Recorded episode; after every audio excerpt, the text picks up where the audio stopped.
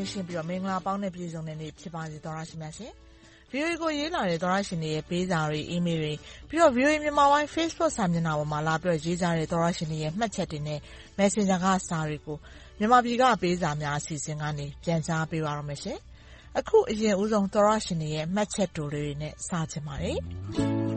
။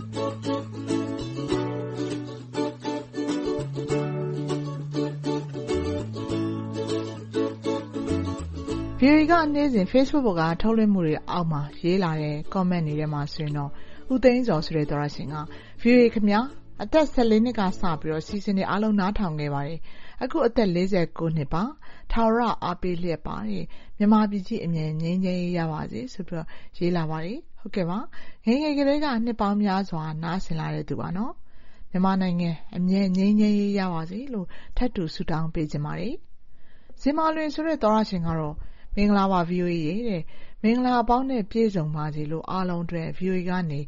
နှုတ်ဆက်ပါတယ်။အခုလိုမှန်ကန်တဲ့သတင်းတွေတင်ဆက်ပေးလို့အထူးကျေးဇူးတင်ပါတယ်။နောင်လည်းအခုလိုမှန်ကန်တဲ့သတင်းတွေတင်ဆက်ပေးပါ။ Messenger ကရေးလာတာပါ။မဇင်မာလွင်အထူးကျေးဇူးတင်ပါတယ်။အစီအစဉ်တွေကိုဆက်ပြီးအားပေးနေပါအုံးလို့ပြောချင်ပါတယ်။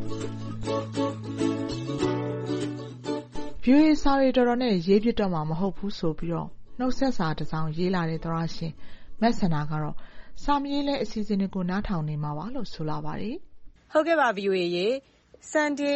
ရက်နေ့ညသတင်းတွေကိုအဆင်ပြေစွာနဲ့အပြည့်အစုံပြန်ပြီးတော့နားထောင်လိုက်ရပါတယ်။စကားလုံးအမှားလေးတွေဖတ်မိတဲ့ကိစ္စမျိုးလေးတွေကိုတော့ကျမအနေနဲ့က VOA ရဲ့သတင်းတွေကိုနေ့စဉ်နားထောင်နေတဲ့သူအနေနဲ့ဖြည့်ပြီးတော့နားလည်ပေးနိုင်ပါတယ်။ကျမတို့ပေးပို့တဲ့စာတွေကိုလည်းစကားလုံးလိုအပ်တာလေးတွေပါသွားရစမြဲပါပဲ။ ကျမတို့ မြန်မာပြည်သူတွေအတွက်ကတော့ ဒီလောက်အထိ သတင်းအလုပ်ကနေ ကြိုးစား ကူညီပေးနေကြတာကိုပဲ ကျေးဇူးတင်လှပါပြီ။မြေပြင်သတင်းတွေကို ဆက်သွယ်ပြီး ပြည်သူတွေဆီ အရောက်ပို့ပေးနေတဲ့ မြန်မာနဲ့ထိုင်းက သတင်းသမား ဝိုင်းတော်သူ ဝိုင်းတော်သားတွေကိုလည်း တကယ်ကို ကျေးဇူးတင်မိပါတယ်။အလွတ်သတင်းထောက် ဦးစည်သူအောင်မြင့်ရဲ့“ဗဟိုဘဏ် ဘာတွေလုပ်နေသလဲ”ဆိုတဲ့ ဆောင်းပါးဆိုရင် အဲဒီအချိန်ကာလမှာ မြန်မာပြည်သူအများစုအတွက် သတိချက်စရာ ဆောင်းပါးတပုဒ် ဖြစ်ခဲ့ရပါတယ်။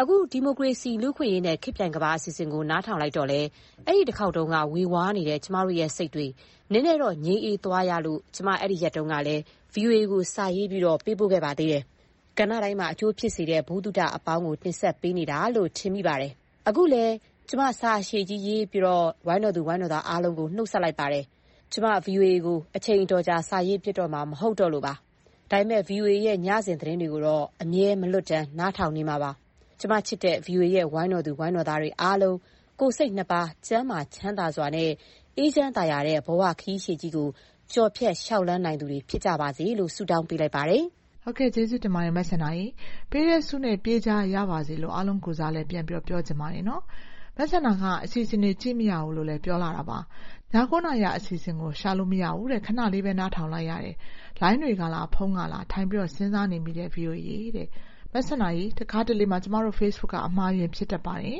။နားထောင်မရအဲဒီလိုအခါမျိုးမှာဖြစ်တယ်ဆိုရင် YouTube တို့ VOA Burmese website တို့မှာသွားပြီးနားထောင်ကြည့်ရှုစေချင်ပါတယ်။ကျမတို့ Jerusalem ကထုတ်လွှင့်ချိန်မှာ Facebook ပေါ်တက်အောင်လုပ်ထားတဲ့ Automation စနစ်ကကြောင်ပြီးမလာတာမျိုးဖြစ်တတ်ပါတယ်။အဲဒါကိုမဖြစ်အောင်လည်းကျမတို့ကာကွယ်လို့မရပါဘူး။သူ့ဘာသာသူထပြီးဖောက်တာမျိုးပါ။ ဒါကြောင့်ကျမအခု Link လေးတွေထည့်ပေးလိုက်ပါတယ်။အခုနပြောတဲ့ YouTube တို့ VOA အင်တာနက်ပင်မစာမျက်နှာတို့ဖြစ်ပါတယ်။အဲဒီမှာနားထောင်ကြည့်ပါနော်သူ့လိုပဲနောက်ထပ်သောတရှင်ဦးတုကလည်းမေးထားတာပါ။တခါတည်းဦးတုကိုလည်းဖြေပေးလိုက်ပါတယ်။ကျမအဲဒီမှာကျမတို့ရဲ့အင်တာနက်စာမျက်နှာ Link ဖြစ်တဲ့ burmese.voanews.com/program/radio ဆိုတဲ့ Link ကိုထည့်ပေးလိုက်ပါတယ်။ရေဒီယိုအစီအစဉ်တိုက်ရိုက်နားထောင်လို့ရအောင်ပါ။နောက်တခု YouTube စာမျက်နှာမှာတော့ youtube.com/@voaburmese မှာ သွားပြီးကြည့်ရှုနားဆင်နိုင်ပါတယ်ရှင်။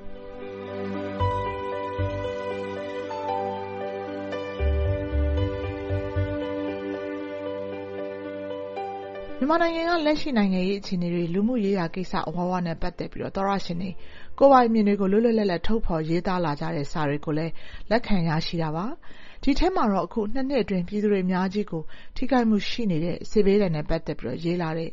သောတရှင်တယောက်ရဲ့စာကိုဖော်ပြပေးချင်ပါတယ်။ VOA ဝိုင်းတော်သူဝိုင်းတော်သားအားလုံးကျန်းမာချမ်းသာကြပါစေလို့ပထမဆုတောင်းမေတ္တာပို့သအပ်ပါတယ်။ VOA ကိုအကြံပြုပါရစေ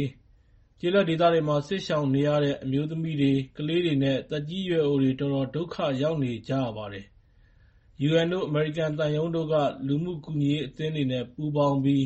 လူသားချင်းစာနာတဲ့ အကူအညီတွေကို ကျေးလက်တောရွာတွေ၊တောတောင်တွေပေါ်ထိ လိုက်လံကူညီပေးစေချင်ပါတယ်။ဗွီအိုအေမှတဆင့် အမေရိကန်သံရုံးကို ပြောပြပေးပါခင်ဗျာ။အရေးတကြီးလိုအပ် အကူအညီပေးဖို့ မေတ္တာရပ်ခံပါတယ်ခင်ဗျာ။”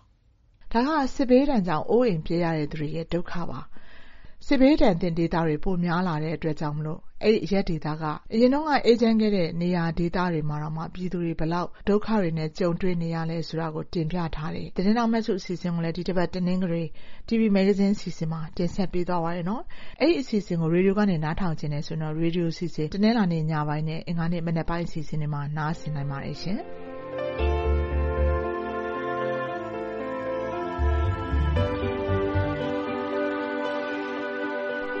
မြန်မာနိုင်ငံက စစ်မက်ပဋိပက္ခကြောင့် စစ်ပြေးဒုက္ခသည်တွေရဲ့ ဘဝနဲ့ပတ်သက်ပြီး ရေးလာတဲ့ သောတရှင်တယောက်ရဲ့ စာကိုဆက်ဖော်ပြပေးချင်ပါတယ်။သူကတော့ နိုင်ငံတကာ အဖွဲ့အစည်းကြီးတွေကို အပြစ်တင်လာတာပါ။ဗွီအိုအေဝိုင်းတော်သားများ မင်္ဂလာပါခင်ဗျာ။ဗွီအိုအေကို ငယ်ငယ်တည်းက အခုချိန်ထိ အမြဲနားထောင်ဖြစ်ပါတယ်။တခါမှတော့ စာမရေးဖူးပါဘူး။အခု ပထမဆုံးအကြိမ် ရေးလိုက်တာပါ။ကျနော်ပြောချင်တာက UN တို့ UN နဲ့ ဆက်စပ်တဲ့ အဖွဲ့အစည်းတွေအကြောင်းပါ။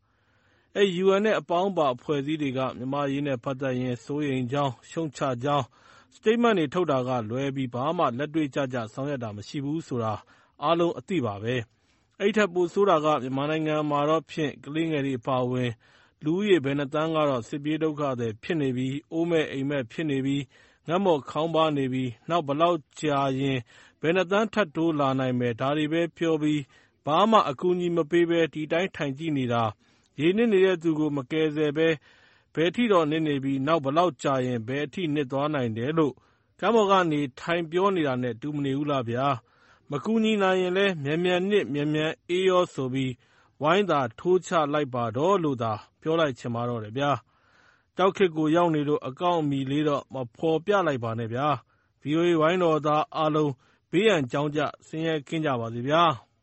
ဒီသောတရှင်ပြောသလိုပဲကြောက်ခေတ်ရောက်နေလို့ အကောင့်နာမည် မဖော်ပြပါနဲ့ဆိုတဲ့ သောတရှင်တွေ စာတိုင်းလိုလိုမှာ ရေးလာတာ တွေ့ရပါတယ်။သောတရှင်တွေရဲ့ ရင်ဖွင့်စာတွေကို ဒီနေ့တော့ ဒီမှာတင် ရပ်ချင်ပါတယ်။သောတရှင်တွေအတွက် ပိုမိုကောင်းမွန်တဲ့ အနာဂတ်နေ့ရက်တွေ ပိုင်ဆိုင်နိုင်ပါစေလို့ ဆန္ဒပြုမိပါတယ်။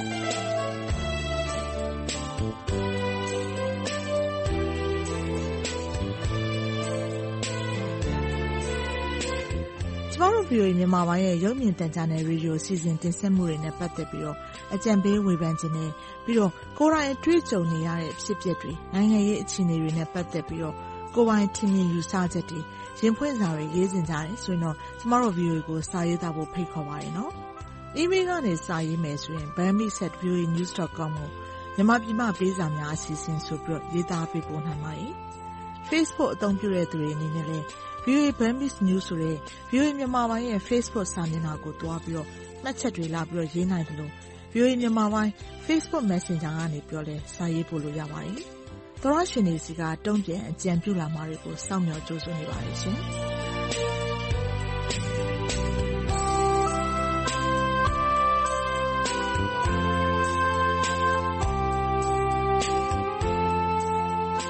မြန်မာနိုင်ငံနဲ့နိုင်ငံတကာကရေးသားပေးပို့လာတဲ့ ဗွီအိုအေမြန်မာပိုင်းသောတရှင်တွေရဲ့ဝေဖန်အကြံပေးစာတွေ၊ရင်ဖွင့်စာတွေနဲ့တေးသီချင်းတောင်းလွှာတွေကိုတနင်္ဂနွေနေ့ညပိုင်းနဲ့တနင်္လာနေ့မနက်ပိုင်းအချိန်တွေမှာမြန်မာပြည်ကပေးစာများအစီအစဉ်ကနေထုတ်လွှင့်တင်ဆက်ပေးနေပါတယ်။ရေဒီယိုကနေဖမ်းယူနားဆင်နိုင်တဲ့အပြင်ရုပ်မြင်သံကြားကနေလည်းထုတ်လွှင့်ပေးနေသလိုဗွီအိုအေမြန်မာပိုင်း Facebook စာမျက်နှာနဲ့ YouTube စာမျက်နှာတို့ကနေလည်းထုတ်လွှင့်ချိန်နဲ့တပြိုင်နက်တည်းတိုက်ရိုက်နားဆင်နိုင်ပါတယ်။ လွှင့်ထုတ်ပေးခဲ့ပြီးတဲ့ အစီအစဉ်တွေကို Facebook နဲ့ YouTube ပေါ်မှာ ပြန်ပြီးနားထောင်နိုင်သလိုဗွီအိုအေအင်တာနက်စာမျက်နှာနဲ့ ဖုန်းပေါ်က VOA App တွေမှာလည်း သွားပြီးနားထောင်ကြည့်ရှုနိုင်ပါတယ်။ကျမတို့ရဲ့ VOA App နာမည်က VOA Burmese ဖြစ်ပါတယ်။ကျမတို့ရဲ့ အင်တာနက်စာမျက်နှာလိပ်စာက burmese.voanews.com ဖြစ်ပါတယ်။ကျမ အေးသန္တာကျော်ပါ။ VOA ကိုလည်း စာရေးကြပါဦးနော်။သောတရှင်တွေအားလုံး ဘေးအန္တရာယ်ကင်းရှင်း ရွှင်လန်းချမ်းမြေ့ကြပါစေရှင်